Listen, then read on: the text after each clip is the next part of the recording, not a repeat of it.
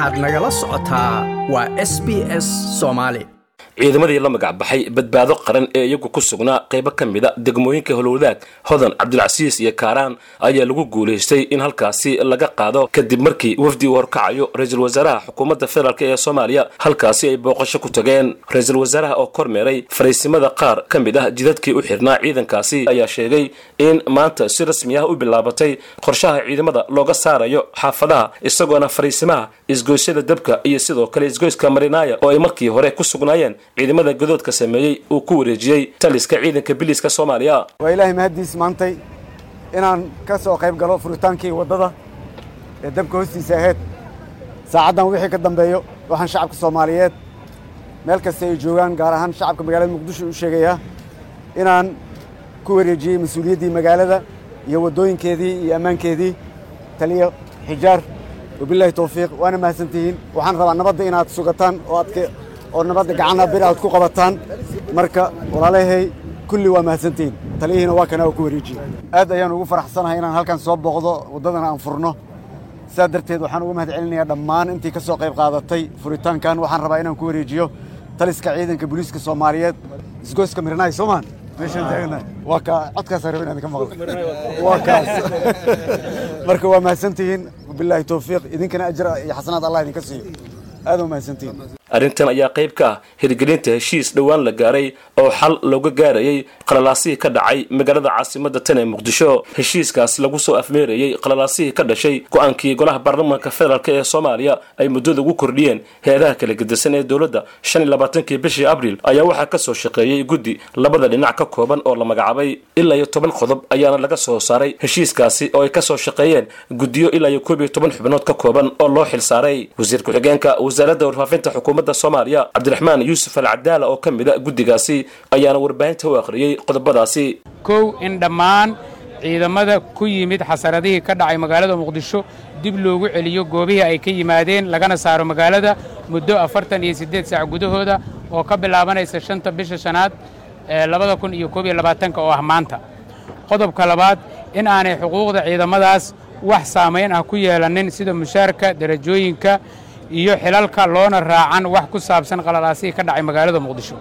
Qodobka saddexaad in si gooni ah loo xalliyo saraakiisha leh duruufaha gaarka ah sida derajooyinka mushaaraadka iyo xuquuqda kale ee ciidan. Afar in kalsooni laga dhex abuuro hay'adaha amniga iyo siyaasiyiinta qaba tabashooyinka amni. Shan in ra'iisul wasaaraha xukuumadda soomaaliya uu wareegto soo saaro uu ku farayo taliyaasha ciidamada qalabka sida ee in aanay ku milmin arrimaha siyaasadda b in aanay bixin amarro ay ka dhalan karto khalalaaso amni iyo mid siyaasadeed. Lix in la magacaabo guddi khubaro ah ciidan ah oo kala taliya ra'iisul wasaaraha dib u habaynta ciidamada qaranka. Toddobo in aan ciidamada qalabka sida loo adeegsan arrimo siyaasadeed faragelinna lagu samayn.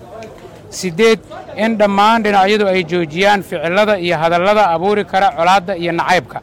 Sagaal in la soo celiyo gaadiidka iyo hubka gaarka loo leeyahay ee lagu kala qaatay dagaaladii ka dhacay magaalada muqdisho lana soo daayo dadkii loo xidhay toban fulinta qorshahan waxaa mas'uul ka ah ra'iisul wasaaraha iyo xukuumaddiisa ra'iisul wasaaraha xukuumadda maxamed xuseen rooble oo hadal kooban ka jeedinayay kulan ay heshiiska ku wada gaareen isaga iyo midowda musharaxiinta ayaa musharaxiinta aad uga codsaday in ay si dhow uga shaqeeyaan arrimaha doorashada. Waxa uu sheegay in hawsha doorashadu ay aad u culus tahay keligiina aanu wadi karin. Sidaa darteed ay muhiim tahay garab uu ka helo musharaxiinta. Dhammaan musharaxiinta madaxweyneyaasha maamul goboleedyada iyo ra'iisul wasaarihii hore waxaan idinka codsanaya ayuu yidhi in doorashada keligay aan laygu hadlaynin dhammaanteen mas'uuliyad ayaa inaga wada saaran inaan si cadaalad ah doorashada idinkugu maamulo ayaad ii dirsateen.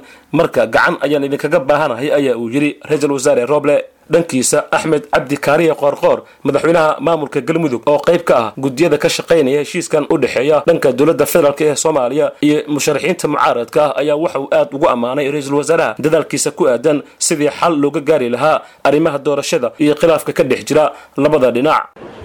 Runtii waa munaasabad aad iyo aad u qiimo badan inaan joogno galabtana ay tahay fursad weyn. Waa munaasabad lagu soo bandhigay xalka shaqaaqooyinkii dhacay oo ka dhacay magaalada muqdisho laga gaaray. Waa u mahad celinaynaa ra'iisul wasaaraha iyo guddigii uu saaray oo ka soo shaqeeyey oo ka soo gaaray xalka ka keenay. Waa bogaadinaynaa xalka la gaaray oo runtii caqabadihii iyo xaaladihii jiray meesha ka saaray waxaan leenahay guul la gaaray weeye. Hore aan u soconno. Horu socod wanaagsan doorasho xalaal ah iyo waddankoo ay saas uga dhammaatay wixii caqabado iyo cillado soo laabtay. Waxaan leenahay ra'iisul wasaare kugu hambalyanaynaa waana kugu garab taagannahay habsami socodka howlaha dhimanna allah kugu guuleeyo. Murashaxiintiina waa oo madaxweyne xasan u hadlayna waa kuu ballan qaadeen garabkooda annagoon horaan kugu garab taagnayn. Soomaalina waa ku garab taagan tahay. Guushaas la gaaray ayaana rabnaa in doorashadoo nugu dhamato insha allah. Madaxweynihii hore ee soomaaliya xasan sheekh maxamuud ayaa isna ku baaqay in la garab istaago ra'iisul wasaaraha xukuumadda xilgaarsiinta maxamed xuseen rooble si loo hirgeliyo doorasho xora oo dalka ka dhacda. Xasan sheekh ayaa sheegay in uu bogaadinayo dadaalada uu ra'iisul wasaare rooble iminka ka wado marka loo eego xal u helidda xasaladda amni ee muqdisho ka dhacday. Waxaana uu sheegay in ra'iisul wasaaraha keligiis aan lagu hadlayn karin howshan islamarkaana garab looga baahan yahay dhinacoodii si aan u xaqiijinno muddo yaroo kooban xaaladda dalka uu ku sugan yaha kuma sii sugnaa kara muddo dheer. Muddo yaroo kooban in dalku doorasho ay ka dhacdo hoggaan cusub la doorto dowlad cusub la doorto ciddii soomaali oo ilaahay u calfa ha noqoto nabadna ay ku dhammaato. Waddada ugu gaaban ee ugu sahlan iyo juhdiga ugu fiican ee aan ku bixi karnaan waxay tahay inaan prime ministerka iyo xafiiskiisa inaan xoojinno oo aan garab istaagno oo aan la shaqayno golaha midooda murashaxiintu go'aanay ku gaareen in brimisterka lala shaqeeyo. Waana la shaqaynay waana la shaqaynaynaa tallaabooyinka ilaahay hadda briministerka uu qaaday waa bogaadinaynaa waa ammaanaynaa waa ididiile iyo efafaalo fiican. Guddiga xalinta khilaafka ka dhex yimiday ciidamada amniga arrin soo dhoweyn mudan waaye. Shirki uu iclaamiyey iyo maalintii iyo taariikhdeedii la fix gareeyey oo la dejiyey waa arrin kaloo ayadana soo dhoweyn mudan bisha labaatankeeda in uu laisugu imaanayo shirki oo la wada hadlayo tallaabooyinkaas ilaahay hadda uu prime ministerku qaaday dhammaantood ididiilaa ka muuqato rajaa ka muuqato. Laakiin dee inaan prime ministerka idab anta warabuka faqaatilaa inaan dhahno inaa haahunaa qaaciduun ma aha. Prime ministerka keligiis hawshaan waa hawl culus. Asaa hogaanka ah annagana waa la shaqaynayna haddii ala yiraahdo. Cabdiraxfiid cabdisamad idaacadda s b s muqdisho. Ma doonaysaa sheekooyinkan oo kale?